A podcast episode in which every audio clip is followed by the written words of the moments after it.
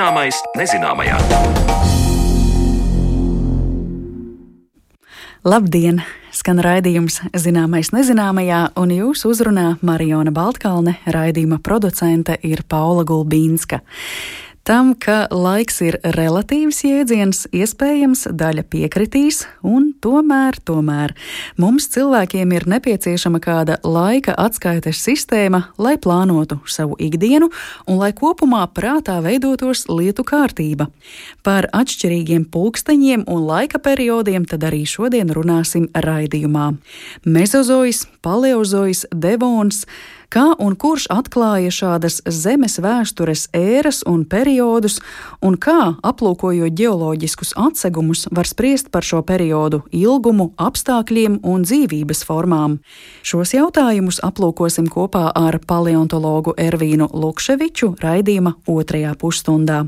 Bet sāksim ar stāstu par ikdienā ierastu palīgu pareiza laika noteikšanai, un tas ir pulkstenis.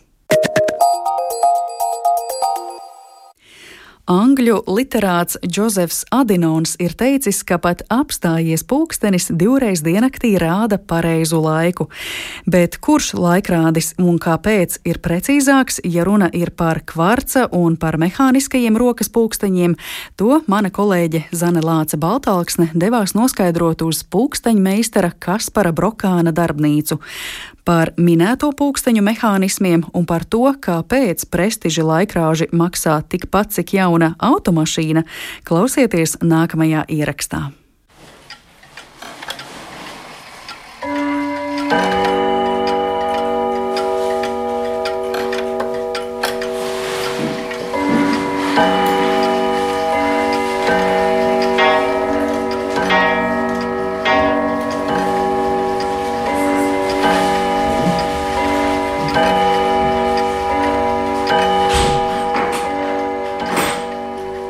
Tikšķi un pulksteņu zvanu skaņas ir nemitīgs fons pulksteņmeistara Kaspara Brokāna darbnīcā, kur mēģināsim izprast, kādā veidā darbojas kvarca un mehāniskie rokas pulksteņi.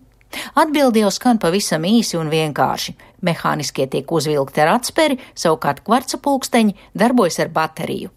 Bet ielūkosimies nedaudz dziļāk katra pulksteņa darbībā, lai uzzinātu, kurš no tiem ir precīzāks un kurš prestižāks.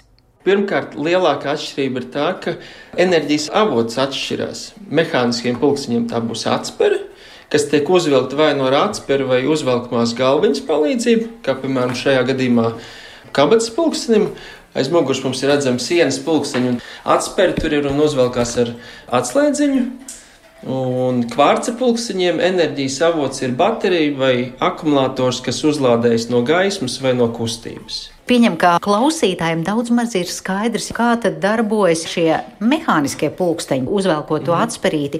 Bet, ja mēs skatāmies uz to kvarca pulksteni, kā tas pulkstenis darbojas? Kā minēja, tad enerģijas avots ir vai nu baterija vai akumulators. Un tad, principā, ir tā, ka šī enerģijas strāva aiziet uz kvarca rezonatoru, kuram strāvas iedarbībā veidojas vibrācija un tas rada noteiktu frekvenci. Un, piemēram, kārtas pulksteņam šī frekvence ir 32,768 Hz, kas ir sitieni sekundē.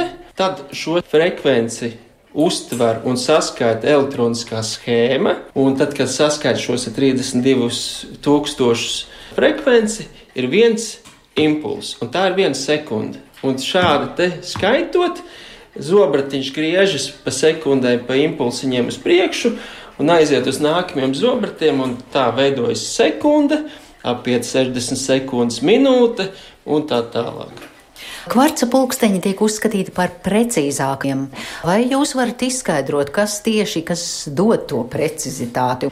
Precizitāti jau laikam dod tas, ka šī kvarca rezonatora frekvence ir ļoti noturīga un patstāvīga. Ja? Un līdz ar to mums šī enerģija tiek sadalīta vienmērīgi, un tāpēc tas pulkstenis arī ir tik precīzs un ir mazāk ietekmējoši faktori. Precizitātei, kā tas bija piemēram mehāniskiem pulksteņiem, tur bija gravitācija, vairāk arī temperatūras ietekme, varbūt un nu, citi faktori.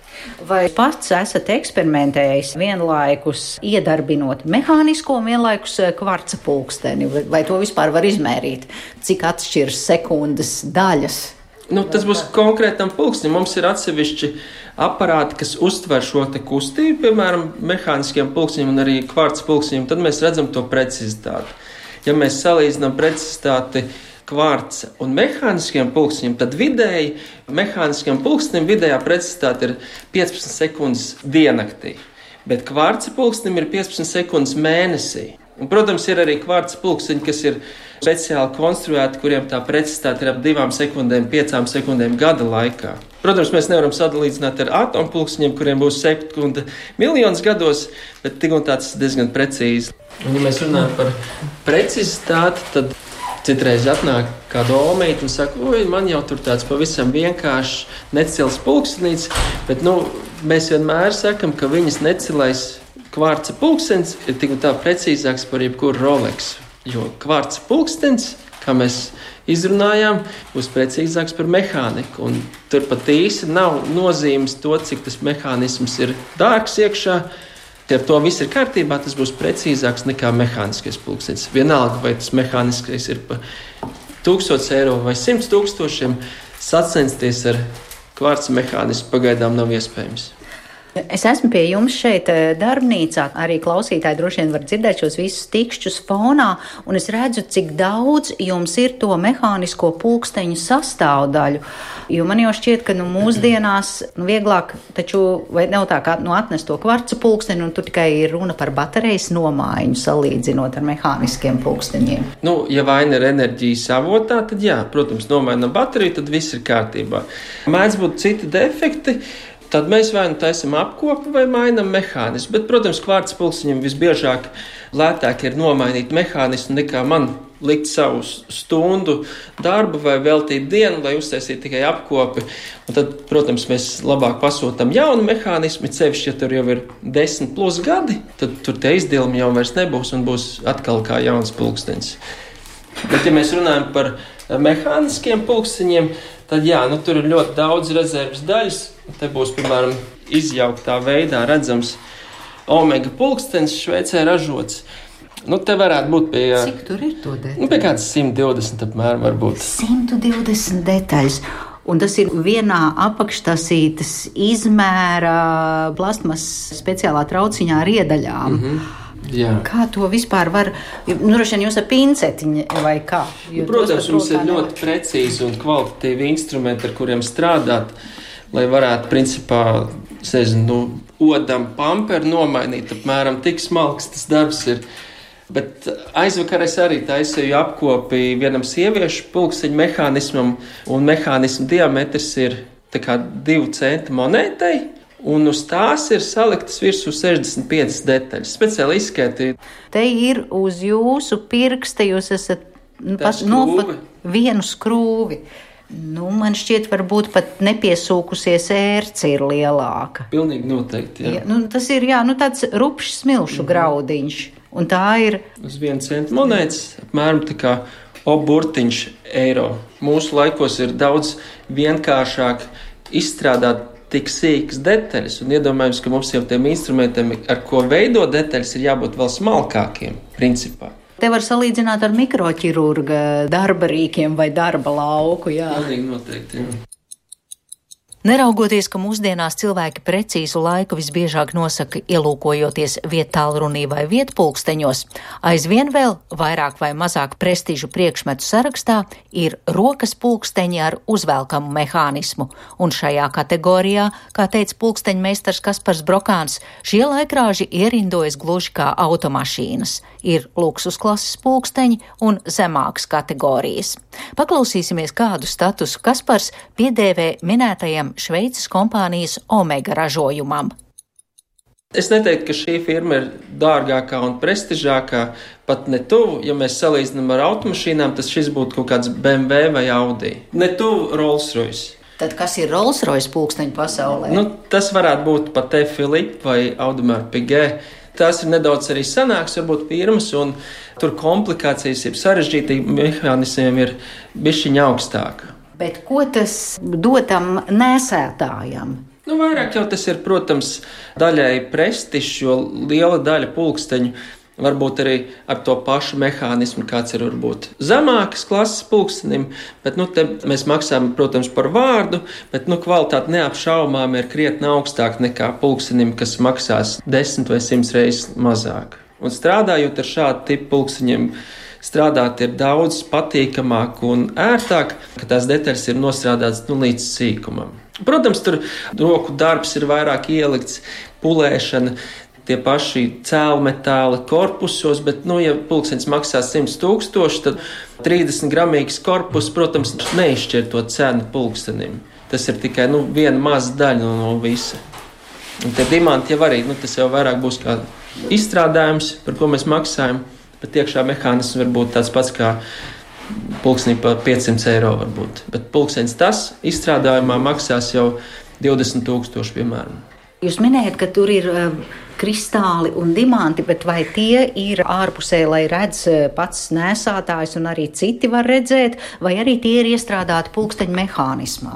Tiek izmantot arī akmeņi iekšā mehānismā, lai samazinātu bērzi, jo, ja asīte kustēsies metāliskā ietvarā, tad nu, tas izdevums var būt ātrāk.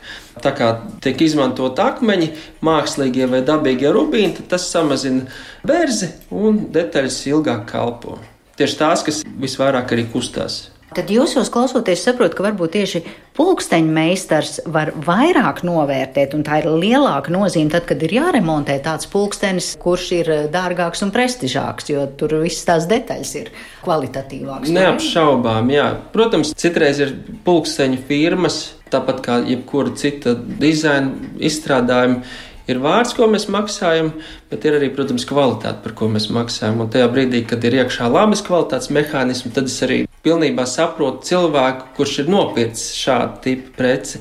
Bet citreiz ir tā, ka samaksāt ir tūkstoši, bet iekšā būs mehānisms, kas varbūt maksā 50 eiro.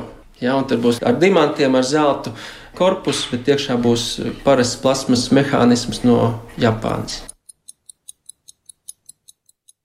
Protams, luksus un prēmijum klases pulksteņi vienmēr būs tie, uz kuriem skatās ar tādu domu, ka es kādreiz gribēšu, piemēram, Rolexu vai kaut ko tādu. Un, ja ir veiksmīgi, piemēram, pārdots kāds īpašums vai, vai biznesā ir veicies, labs gads, piemēram, ir bijis, nu, tad gribas arī sevi atalgot. Nu, vienam tā būs mašīna, varbūt citam ceļojums vai varbūt jauna māja, nu, cits atkal domās, ka nu, es esmu pelnījis labu pulksni. Nu, tad cilvēks nopērk, piemēram, Rolex vai to pašu Omega vai nu, kādu citu prēmiju klases pulksteni. Pulksteņa meistars Kaspars Brokāns stāsta, ka tāpat kā izcilus dizaineru aksesuārus, arī šos luksus klases laikrāžus nevar tik vienkārši iegādāties. Piemēram, atsevišķu modeļu patē Filipa pulksteņa kārotājam ir jāiesniedz savs CV un rekomendācija, tādējādi pierādot savu piemērotību būt par īpašnieku šim smalkajam dārgumam. Tas attiecas arī uz citām prestižām pulksteņu kompānijām. Lai nopirktu Rolex, mēs nevaram nemaz ieiet tā vienkārši veikalā un to iegādāties. Tur bieži vien ir jāstāv rindā divus un pat vairāk gadus. Jā, mēs aizējām, mēs tikai piesakāmies, un tad mēs gaidām atbildi no autorizētā dīlera. Ja gribās uzreiz nopirkt, tad tas skaitās jau pelēkais tirgus, un tad ir tā cena nedaudz augstāka nekā veiklā pērkot.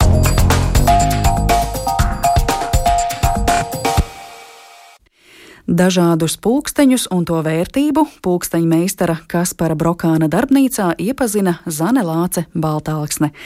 Bet parasts rokas pulkstenis diezin vai derēs paleontoloģijā. Tur laika skaitīšana notiek ērās un periodos, un šim tematam pievēršamies pēc brīža raidījuma turpinājumā.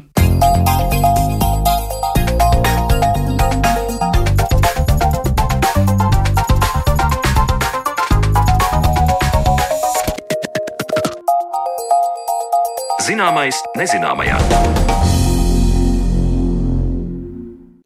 Paleontoloģija ir tiešām apbrīnojama zinātnes nozare. No viena klints atseguma vai fosīlijas fragmenta paleontologs var stāstīt miljoniem gadu senu stāstu par to, kādi ir bijuši klimatiskie un atmosfēras apstākļi, ko kāds dzīvais organisms ir ēdis un kā gājis bojā. Tāpat ir iespējams uzzināt, kas reiz atradies konkrētā vietā un kā viens vai otrs akmeņogļu gabals savulaik ir bijis dzīves augs. Bet kurš galu galā nolēma, kad ir sācies un kad beidzies kāds zemes vēstures posms un kā nosaka to senumu? Šiem jautājumiem pievēršamies raidījuma turpmākajās minūtēs, un to pārunāsim kopā ar mūsu viesi studijā, un tas ir Latvijas Universitātes profesors, paleontologs Ervins Lukševičs. Labdien! Sveicināti! Mēs ar jums šogad eh, zināmais nezināmajā raidījumos esam vairāk kārt tikušies un eh, esam runājuši par zīdītāju evolūciju un arī par dinozauriem. Esam runājuši par diškontinentu Pangeju un eh, šajos un, protams, arī citos ar paleontoloģiju saistītos stāstos neizbēgami parādās dažādi ēru un periodu nosaukumi - mezozois, krīts, jūra, karbons un citi. Un tad nu sanāk tā, ka mēs šoreiz pakāpjamies solīti atpakaļ un skaidrosim tieši šos jēdzienus un to rašanos, un ne tikai to. Līdz ar to jautājums, vai zinātnē ir tāds konkrēts brīdis, kad šādas ēras un periodus attiecībā uz Zemes vēsturī sāk izmantot, ka tagad lūk būs tāds dalījums. Te mums jāatgriežas laikam diezgan tālā pagātnē. Sistēmas, kas apvieno dažāda vecuma iežus, sāka nodalīt aptuveni 18. un 19. gadsimta mijā. Lielāko daļu sistēmu, sākotnēji sistēmu, es nepārteicos, un tikai vēlāk radies jēdziens periods. Sistēma apvieno visus iežus, kas veidojās vienā periodā. Lūk, lielākā daļa aprakstīta 1820. līdz 40. gadu. Kaut gan ir arī izņēmumi, piemēram, Jūra, jūras sistēmu nodēvēja 1822. gadā franču paleontologs Zināmā mērā arī ģeologs Aleksandrs Broņjārs, bet nosaukumu deva slavenais geogrāfs von Humboldts, tas jau 1780. gados notika. Nu, un tad vesela virkne citu periodu nodēvēti. Un Devons 1839. gadā pēc atsegumiem Lielbritānijā to izdarīja kopā Sedžviks un Merčisons un tā tālāk. Šis bija sākuma posms, kad cilvēki intensīvi aprakstīja gan iežus, un vēlāk tapa koncepcija, ka tie ir noteiktā laikā veidojušies. Līdz ar to izveidojās tāda interesanta situācija. Viens nosaukums, piemēram, devons, gan iežiem, gan laikam bet um, ēras vai arī sistēmu iedalījums sīkāk, smalkāk, un arī periodu iedalīšana mazākās laika vienībās un periodu apvienošana lielākās vienībās notika vēlāk. Un tas ir saistīts ar Pirmo geologu kongresu. Pirmais geoloģijas kongress notika neticami ilgā laikā, no 1800. 78. līdz 1900. gadam. Patiesībā notika astoņas sesijas, un nevajag iedomāties, ka cilvēki sēdēja uh, un deldēja bikses 22 gadus pēc kārtas. Nē, galvenokārt Eiropas, ieskaitot arī Krieviju un Amerikas geologi bija sapulcējušies sākumā 78. gadā Parīzē, un tad ik pēc kāda laiciņa atgriezās, bet to joprojām dēvē par pirmo kongresu. Nu, tagad jau norisinājās 37 kongresi kopš tā laika, un lūk, tas pirmais pirmais geoloģijas kongress bija tas, kas nodibināja divas paralēlas skalas. Viena ir tā saucamā chronostratigrāfiskā. Šeit chronos ir laiks, stratigrāfija vārds no slāņiem, stratum un grafēna aprakstīšana iežu laika vienības, devona sistēma. Apvieno dolomītus un smilšakmeņus, un kaļķakmeņus un mālus, kas Latvijai ir ļoti noderīgi, derīgi izrakteņi. Un otra paralēlā schēma - geochronoloģiskā. Geozeme, chronoloģija pats par sevi saprotams, aptver laiku. Tie ir periodi. Un tas tad ir teiksim, krīts, jūra, karbons. Tad tie ir bijuši pirmie. Kā jau minēju, jūra diezgan sen. Mm. Karbons arī tajā pašā gadā, 1822. aprakstīts. Bet eh, sakiet, tajā geoloģijas kongresā tad tika runāts par kādiem konkrētiem atklājumiem, kuru rezultātā mēs pieņemam lēmumu par lūk, šādiem dalījumiem. Proti, vai tas iet roku rokā ar kaut kādiem pētījumiem, atklājumiem? Noteikti, noteikti jā. Jāsaka, ka cilvēki uzdeva šo jautājumu, kas ir jaunāks, kas ir vecāks mums apkārt, jau sākot ar varbūt pat Leonardo da Vinci laikiem. Leonardo da Vinci savu laiku bija pievērsus uzmanību tam, ka Itālijas kalnos, nu nepārāk augstu virs jūras līmeņa, bet tomēr Itālijas dolomīta alpos, atrod jūras organismu atliekas, haizivju zobus, dažādas gliemežus, gliemenes un tā tālāk. Un loģiski viņam ienāca prātā, ka reiz tur ir bijusi jūra, bet izskaidrot tajā laikā šo fenomenu nu, noteikti nevarēja. Savukārt, ja jebkuram viņa laika biedram pajautātu, Nu, kas ir vecāks? Šie lūgi dolomītu alpos veidojumi vai mūsdienās jūrās dzīvojušie glīmi? Viņš teiktu, tas ir muļķīgs jautājums. Dievs radīja visu, nu, sešās dienās, vai kā tur bija, mm. vairāk nedaudz. Bībeles stāstu uztvēra burtiski. Līdz ar to pat līdz 17. gadsimta vidum liela daļa tieši tā uzskatīja, ka jautājums par to, kas ir agrāk, kas ir vēlāk, ir muļķīgs. Bet to tomēr ģeologi uzdeva. Un viens no pirmajiem, kas to risināja, aprakstos savos darbos, bija Dāņu izcelsmes ģeologs, kas strādāja Itālijā, Nikolas Stensens parakstījās kā steno. Un viņš noformulēja pat veselu virkni principu saskaņā ar to, kas, piemēram, netraucē tā sagulumā, nu, ja nav slāņa apgāste vai kaut kā citādi traucēt. Tas, kas guļ apakšā, tas ir vecāks. Un tas ir loģiski. Tas, kas guļ virsū, tas ir jaunāks. Nu, 18. gadsimts vesela virkne pētnieku. Pirmām kārtām tie ir vācu, britu, arī itāļu geologi. Te var minēt Giovanni Arduino, Liemanis Fiksels, Werners no Vācijas, Hetons no Anglijas. Viņi savā starpā strīdējās. Kam ir taisnība? Kādi ieži ir nu, tie, kas ir primārie? Vai nu pateicoties ūdens spēkam, tos sauc par neptūnistiem. Viņi uzskatīja, ka galvenais ir sedimentācijas process. Nogulas uzkrājas arī tagad, pašlaik. Jūras krastā var redzēt, kā smiltiņas uzkrājas, no kurienes smiltiņas upē atnesa, bet izgulsnējās jūrā.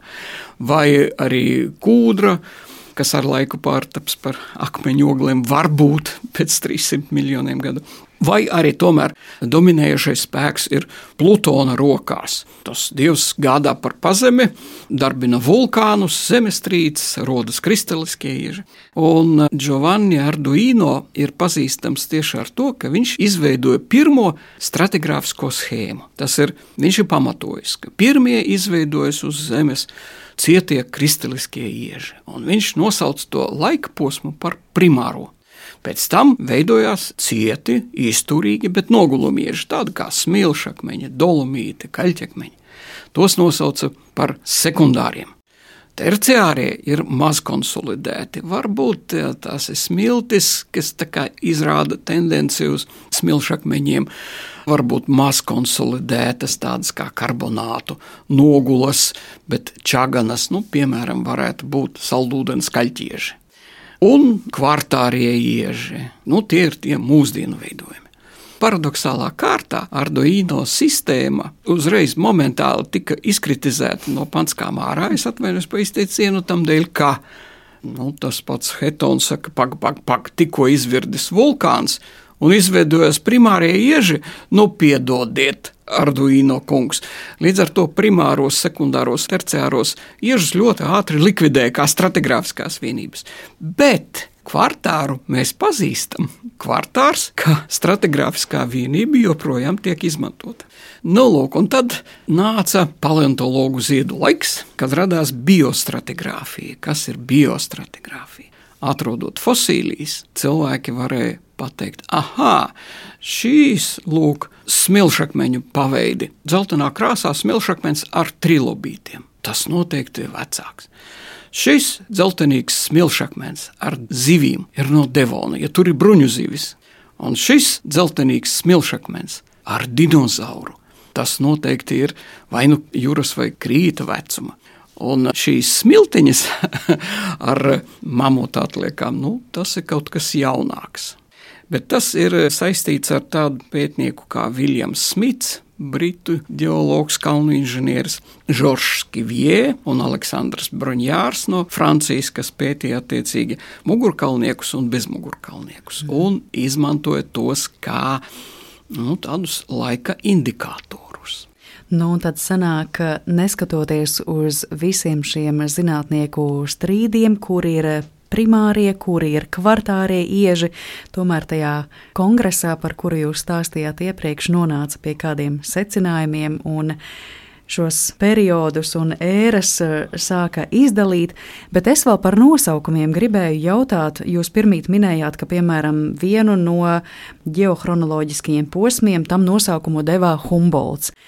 Bet eh, kā vispār šos nosaukumus deva? Jo, piemēram, Devons, Mezozois, Kembrijs, nu, savā starpā tiem īsti nav nekādu līdzību, un eh, es īsti arī neredzu tajos nekādu zinātnieku uzvārdu. Nav mums tāds periods, Humboldts. kā līdz šiem nonāca? Nosaukumi radušies ļoti dažādi. Piemēram, jūra, ko Broņjārs nosauca izmantojot vārdu, ko devis von Humbolds. Humbolds deva vārdu karbonātiskiem nogulumiem, kaļķekmeņiem, kas izplatīti Vācijas dienvidos, jūras kalnos. Un no tā bija jūras kaļķekmeņi, jūras kaļķekmeņi, jūras kaļķekmeņi, jūras kaļķekmeņi. Līdz sāk aprakstīt sistēmas, un tad Bruņjārs izvēlējās gluži to pašu nosaukumu Tagad būs jūra, mm. jūras sistēma, vēlāk jūras periods pēc kalnu nosaukuma. Karbons savukārt tā ir norāde uz akmeņogliem. Carboniferous, tas, kas nes oglekli, no kā sastāv akmeņoglis. Devons par godu Devonšīras grāfistei Anglijā, kur ir tipiskie atsegumi ar šī vecuma iežiem. Kembrijs ir ļoti sens Velsas nosaukums. Tajos laikos, kad Romas impērijas sniedzās līdz pat gandrīz vai Anglijas ziemeļiem un robežai ar Skotiju, tad eh, kartēs Velsu apzīmē kā Kambrija. Nu, no tā vai Ordoviks un Silūrs, šie divi ļoti blakus esošie divi periodi, vai arī sistēmas, jā, nosaukti par godu seniem Lielbritānijas iedzīvotājiem. Kādreiz bija tāda Silūru cilts un Ordoviku cilts. Tā kā jūs redzat, nosaukumi ļoti, ļoti dažādi. Savukārt, ēru nosaukumi paleozois, mezozois un kainozois, ja mēs runājam par pēdējiem laikiem, ja, tos deva vēlāk. Jau tad, kad risinājās geoloģiski kongress, tad nolēma senās dzīvības ēra, paleo ir sens, zois tā kā būtu norāde uz dzīvo būtni vai dzīvnieku pat. Mezo tas būtu kaut kas pa vidu, mezozois, nu, un kaino tas attiecas uz jau laikiem tuvāk mūsdienām. Tagad pakavējoties pie tā, ko jūs mazliet eh, skārāt jau iepriekš, ka, piemēram, tur pēc eh, trilobītu atliekām var kaut ko pateikt par vienu geoloģisko vecumu vai pēc dinozauru atliekām par citu. Patiešām daudzi grāmatās noteikti būs redzējuši dažādu geoloģisko atsegumu fotogrāfijas vai zīmējumus, kas šķērsgriezumā izskatās nu, gluži kā tāda kūka ar vairākām kārtām.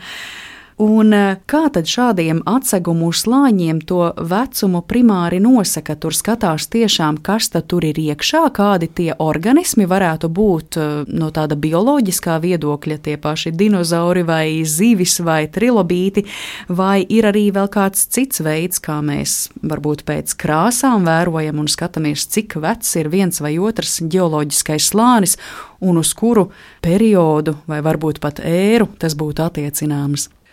Mm, jā, ir vesela virkne pazīmju, pēc kurām geologs var aprakstīt griezumu, izveidot tā saucamo geoloģisko griezumu uz papīra, uzzīmēt akurāti. Ja?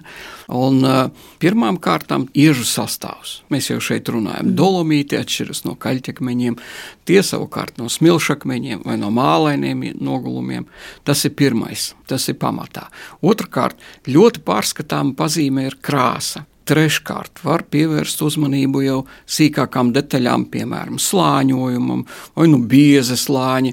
Tūkstošos smilšakmeņi mēdz būt sērijās līdz 5 metru biezumā, kas nekad nav iespējams jūrā pievērš uzmanību minerālu sastāvam. Vai tas ir smilšakmeņos tīrais kvarts, vai varbūt tas ir sajaukts ar citiem minerāliem, ar laukšpatu, vai arī laukšpata ļoti daudz, vai smilšakmeņi sastāv no iežu atlūzām, sīkām, sīkām smilšu graudiņa lielumā, bet tomēr iežu fragmentiem un daudzas citas pazīmes. Bet Visas šīs pazīmes mums neļauj atbildēt uz jautājumu, kas ir vecāks, kas ir jaunāks. Izņemot Stensena principu, kas guļ apakšā, tas ir vecāks, kas guļ pāri, tas ir jaunāks. Nu, un sākotnēji geologi rīkojās kopā ar paleontologiem, varbūt līdzīgi. Mēģināja izveidot tādu kopīgo griezumu, kur izsekoja slāni pa slānim.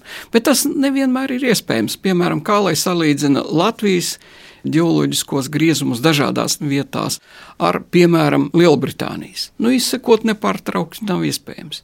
Tātad jāizmanto kādas citas pazīmes. Vai krāsu? Nē, es jau iepriekšējā piemērā minēju, tie paši dzeltenīgie smilšakmeņi var saturēt ļoti dažādu faunu, un tas apliecina, ka tie uzkrājās ļoti dažādā laikā, bet gan vizuāli, gan pēc tekstūrām un struktūrām. Tas ir pēc tā kā slāņojums iet vai pēc graudu izmēriem. Tie var būt līdzīgi. Līdz ar to tās vizuālās pazīmes un petrogrāfiskā sastāva īpatnības, mineraloģiskais sastāvs neļauj izdarīt slēdzienu gluži par vecumu. Atslēga pirmkārt bija rokā tad, kad Viljams Smits kas strādāja Lielbritānijā pie kanālu rakšanas un dzelzceļu ierīkošanas, atklāja, ka līdzīgos slāņos ir līdzīgas fosilijas. Un tāds skanēja viņa princips, nedaudz primitīvs tagad no mūsdienu zinātnieka viedokļa, bet tomēr tas strādā. Ja vienos un tās pašos, pēc krāsas, pēc sastāvā, pēc tekstūrām, līdzīgos kaļķekmeņos. Vienā vietā ir viens fosiliju komplekss, un otrā cits, un tikai vienā atsegumā mēs redzam, ka piemēram, slānis ar gliemežiem ir vecāks un ar amonītiem jaunāks un tad atrodot attiecīgi citās vietās tikai gliemežus vai tikai amonītus, mēs jau varam neizsekojot slāņus, salīdzināt. Mēs zinām, ka tas, kas no manis pa labi būtu jaunāks, ja tur ir amonīti, tas, kas pa kreisi, tas būtu vecāks, ja tur ir gliemeži. Bet jautājums par cik vecāks? Tas arī nomocīja cilvēkus ilgstoši, līdz tika atklāta radioaktivitāte, Un tad viens bakalaura studiju students, izstrādājot savu bakalaura darbu par granītiem no Indijas un pētot gan urānu, gan hēliju, jo granītos hēlijs varētu rasties tikai vienā ceļā, sabrūkot radioaktīvam urānam. Viņš konstatēja, ka šie granīti varētu būt 1,6 miljardi gadu seni, jeb veci. Un tad visiem ģeologiem ah, beidzot Jā. mēs saprotam, kāpēc Zeme nav tikai 20 miljonu gadu veca, bet daudz, daudz vecāka. Holmes, kas publicēja savu bakalaura darbu apmēram Pirmā pasaules kara priekšvakarā, tajā pašā darbā atzīmēja, ka viņa aprēķini noteikti ir kļūdaini. Jo hēlijs ir gāze. Varētu būt šie granīti, tomēr ir vecāki, bet hēlijs nesaglabājas kristaliskajā režģī. Un viņam bija taisnība. Tagad noskaidrojās, ka paši senākie ieži, ko var atrast un datēt uz Zemes, ir nedaudz vairāk kā 4 miljardi gadu seni, bet meteorīti uzrāda vecumu pat 4,6 miljardi gadu. Nu, un tad mēs arī esam nonākuši pie tā atslēgas vārda - radioaktīvā oglekļa metode. Tas arī bieži vien izskan mūsu stāstos, kad mēs runājam par kādiem geoloģiskiem tematiem. Kā tas īsti izpaužas un kāpēc šī metode ir tik precīza. Radioaktīvā oglekļa metode ir viena no apmēram 20 metodēm, izstrādāta tā krietni vēlāk nekā tā, ko es minēju. Urāna metode. Tagad urāna metode arī diezgan daudz izmanto, bet vairs neanalizē hēliju, jo šī reakcija no urāna līdz hēlijam ir ārkārtīgi gara ķēdīte. Bet radioaktīvā oglekļa metode pamatā tapusi 40. un 50. gados pagājušā gadsimtā. Un kopš tā laika iemantoja ļoti lielu popularitāti galvenokārt arheoloģijā.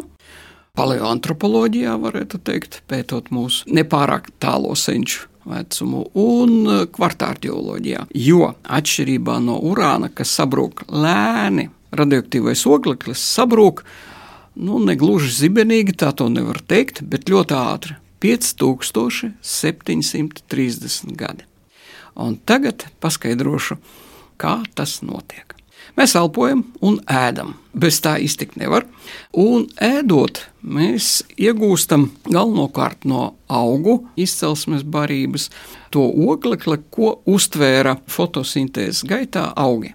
Un uh, pastāv trīs oglekļa izotopi, C12, vieglais Tas ir ļoti plaši izplatīts dabā. C13 arī stabilais smagais ogleklis, no kura parasti organismi cenšas izvairīties, un C14 pats smagākais un nestabilais izotops, kas rodas atmosfērā pateicoties kosmiskajam starojumam.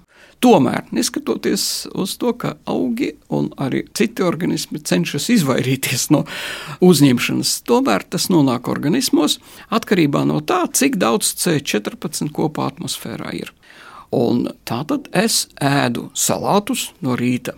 Ļoti garšīgu salātu apēdu un uztveru gan C12, gan maz C13, gan arī C14. Kur tas paliek?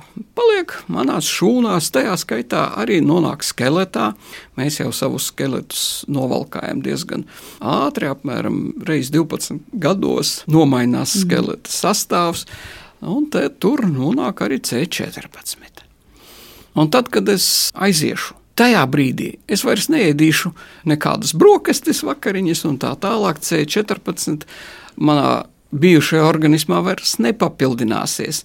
Bet tajā brīdī kāda neredzama roka, teiksim, dieva roka, nospiež chronometru.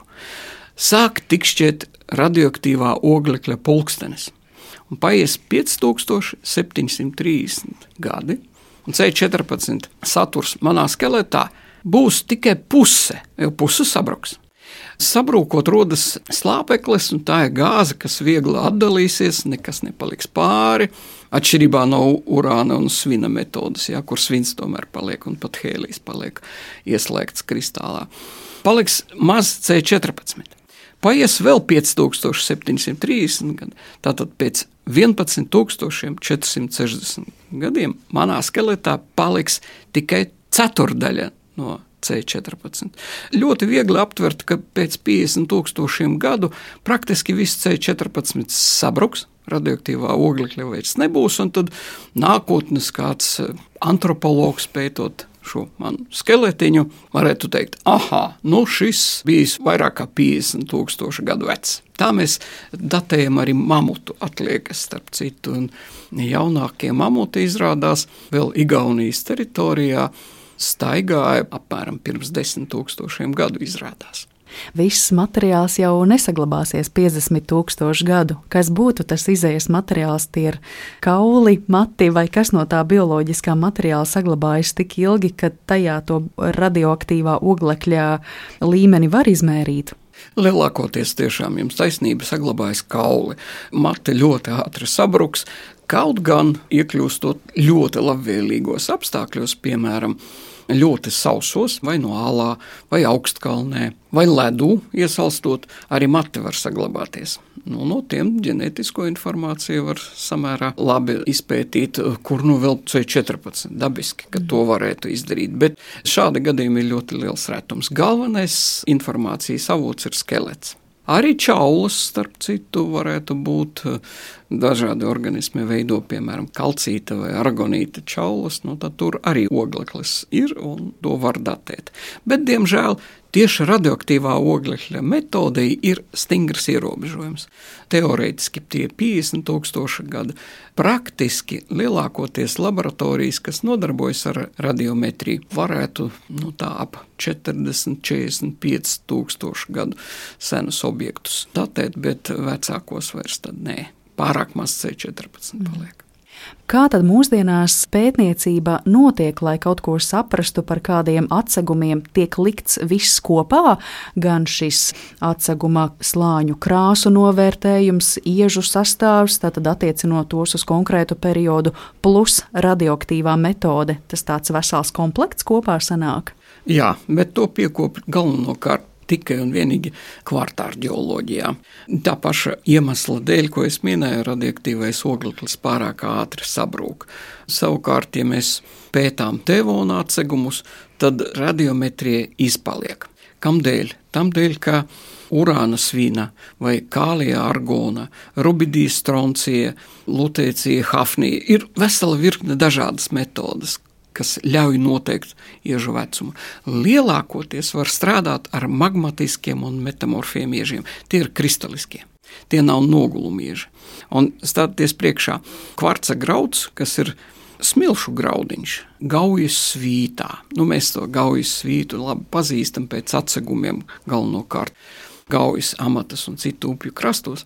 Ja mēs datēsim to radiometriski, tad kvarca graudiņš pats par sevi to, nu, diemžēl, datēt nevar, bet dažus citus, kas blakus atrodami. Bet skaidrs, ka tie arī uzkrājās kādā baseinā tieši tajā laikā, Devonā. Uzrādījis vecumu divi miljardi gadu.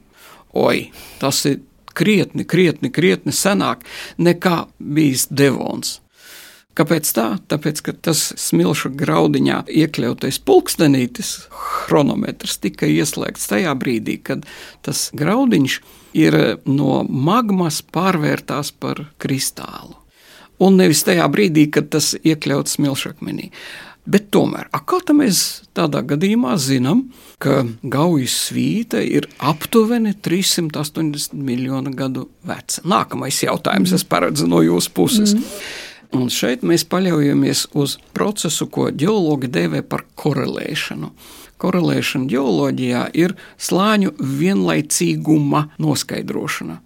Datēt var lielākoties magmatiskos, arī metamorfos, kristaliskos iežus, un šur un tur arī devonā izvirda vulkāni. Veidojās pēc Arduino primārie ieži. Nu, bet tie nav primāri. Tie, kas veidojas kas, vulkāna izvirduma rezultātā. Iz, vai arī sacietējot lavai neizplūstot. Ja, magma sacietē dažkārt arī tuvu zemes virspusē. Un, attiecīgi, dažos gadījumos šādi magmatiskie ieži ir korelējami. Var noteikt vecumu blakus esošajiem vai nu pagulošiem nogulumiežiem, vai arī pārsadzošiem nogulumiežiem. Nu, tādējādi mēs arī uzzinām, ka lūk, kaut kur ļoti, ļoti tālu, piemēram, Čehijas teritorijā, tajā tālākajā laikā, Devonas sākumā, izvirda vulkāni. Nu, tur ir tas materiāls, ko var datēt. Un Čehijā zem tiem vulkaniskajiem nogulumiem un virs tiem ir apakšējā devona slāņkopa ar graptolītiem. Nu, tāda pēc sastāvā skeleti, kas nedaudz atgādina kukaiņu skeletus, bet tā pavērš skatoties. Lūk, un tādi paši graptolīti ir atrodami piemēram Zviedrijā kopā ar zivīm. Un tās zivis arī Latvijā. Re, ļoti sarežģīta tāda loģiska ķēdīte, kas pasaka, ah, tagad mēs zinām, ka Gaujas svīta veidojās apmēram pirms 380 miljoniem gadu. Nu, tagad ģeochronoloģiskās un chronostratigrāfiskās skalas ir ļoti labi izveidotas, sabalansētas un vairs nav nepieciešams katram Latvijas pētniekam izdibināt to ķēdīti, bet mēs diezgan labi stādājamies priekšā, kāda ir notikumu secība un kāds attiecīgi pat to nogulumu iežu slāņu vecums, kurus datēt radiometriski nav iespējams. Starp citu, ir viena metode, kas ļauj datēt arī nogulumu iežu slāņu kopas. Tie ir glaukonīta smilšakmeņi vai arī citi ieži, kas satur glaukonītu. Tāds īpatnējs minerāls, zaļā krāsā, diezgan spilgts, kas rodas sedimentoģenēzē. Tas ir nogulu uzkrāšanās laikā. Un tieši šis minerāls ļauj datēties. Var to datēt, bet godīgi sakot, datēt šos nogulumus parasti ir diezgan apgrūtinoši un daudz vienkāršāk datēšanu veikt, izmantojot fosīlijas. Bieži vien pēc fosīlijām izdodas visai detalizēti sadalīt griezumus, ņemot vērā iespējamo kļūdu no 1 līdz 3 procentiem. Nu, biostratigrāfija joprojām strādā labi. Dažas metodas ir precīzākas. Kāla argona metode ir precīzāka, zem 1%, nu, un radioaktīvā oglekļa metode arī ļoti precīza mēdz būt, Bet nu, tur ir arī savas nianses. Savi ierobežojumi. Jā. Līdz ar to jautājums, vai šajā geoloģiskās pētniecības vēsturē ir bijuši kādi gadījumi, kad ir pieļautas lielas kļūdas, jo tagad mēs esam ļoti gudri un mēs zinām, uz kuru periodu mēs varam attiecināt amonītus vai vienus vai citus iežus, bet vai ir gadījies tā, ka nu, pētnieki domā, ka šie ir devona dolomīti, bet izrādās ir citādi. Ir tā bijis. Pirmkārt, tas, kas nāk prātā, paša pieredze. Tā ir gandrīz vai anekdote, bet tomēr. Reiz tad, kad eh, es biju sācis savu karjeru Latvijas Universitātē kā docents, mēs sākām braukt ar studentiem lauka studijās uz Poliju. Šventokšīs kalnos, jeb Svētā Krusta kalnos iepazīt ļoti dažādu geoloģiska vecuma nogulumus un veidojumus, piemēram, nu, kur var redzēt ļoti krokotu siežus pie mums. Nu, tie ir netraucētā sagulumā lielākoties. Un atminos, ka pirmajā reizē, kad mēs tur esam bijuši, apmeklējuši vienu interesantu objektu, par kuru man kolēģis Girts Stinkulis stāsta, ka viņš tur esot bijis ar vienu labu kolēģi, un viņi nezina, kāda vecuma nogulumi tur ir. Bet, spriežot pēc liela mēroga geoloģiskās kartes, nu, tur nevar izšķirties, kur tu atrodies tajā kartē. Varētu būt kas silūrs, jo ieži ir līdzīgi kā pie mums Latvijā tādi karbonāti ar ļoti daudz māla. Aha, paskatīsimies! Un pirmais, ko mēs atradām, bija brahiopodi. O, tas tikai mūsu interesi pastiprināja. Jā, bet brahiopodi savdabīgi neizskatās tāda, kā būtu no Igaunijas vai Latvijas silūra.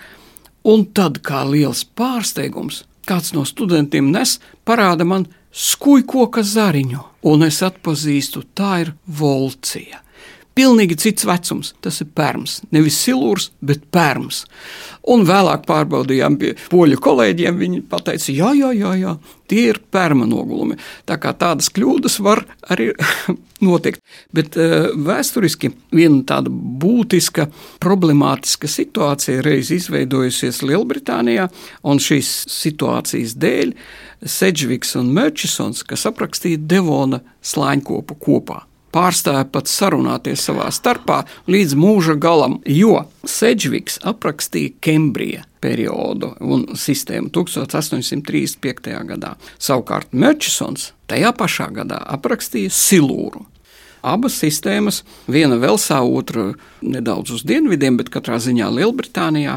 Un ko viņi nesadalīja? Viņi nevarēja vienoties par robežu. Un tikai pēc viņu nāves 1879. gadā, tas ir jau 40 gadi pagāja vairāk, Lepfords tajā pašā Lielbritānijā nodalīja atsevišķu sistēmu - Ordoviku.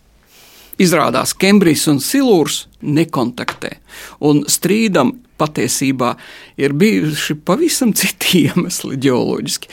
Izrādās, ka uz Sedžvika un Merčsona priekšstatos iztrūka Ordoviks. Bet eh, runājot par to, kā kopumā šī skala veidojusies, nebija nemaz tik vienkārši tajā ģeoloģijas kongresā visu izdiskutēt un vienoties. Jo dažādās teritorijās, un pat līdz relatīvi nesenajam laikam, pastāvēja arī savas īpatnības. Piemēram, ASV ģeologi līdz pat 21. gadsimtam neatzina karbonu. Viņi vienmēr nodalīja Mississippi un Pensilvāniju. Un tikai relatīvi nesen ģeoloģijas kongress pieņēma tādu zālamana lēmumu.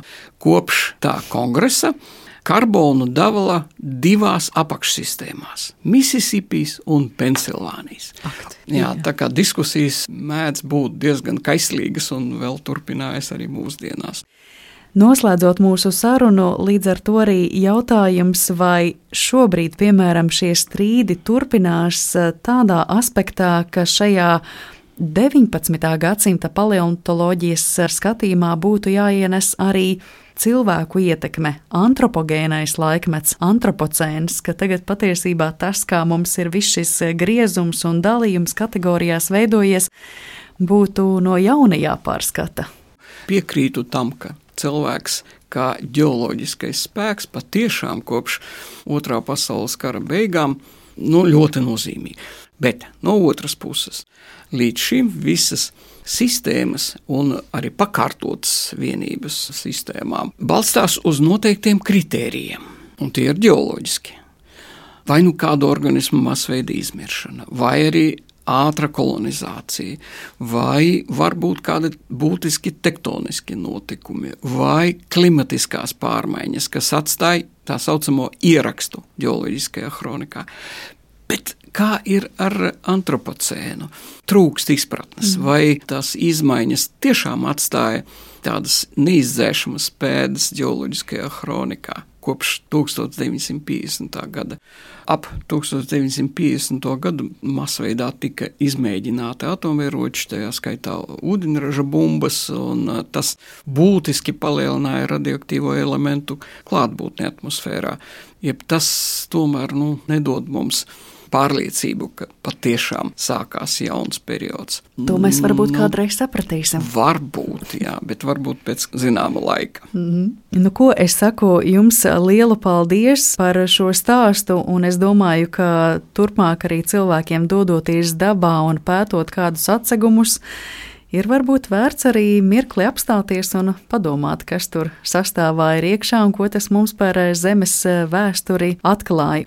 Atgādināšu klausītājiem, ka ar mums šodien studijā kopā bija Latvijas Universitātes profesors, paleontologs Ervīns Lukševičs. Un mūsu raidījums, kas šodien veltīts dažādiem jautājumiem par laiku, par pulksteņiem un laika mērīšanu, līdz ar to arī izskan. Par raidījumu gādāja Paula Gulbīnska, Reinis Budze, Girts Bišs un pie mikrofona bija Mariona Baltkalne. Patīkamu laika ritējumu jums šodien, turpmāk un uz sadzirdēšanos citu dienu. Visu labu!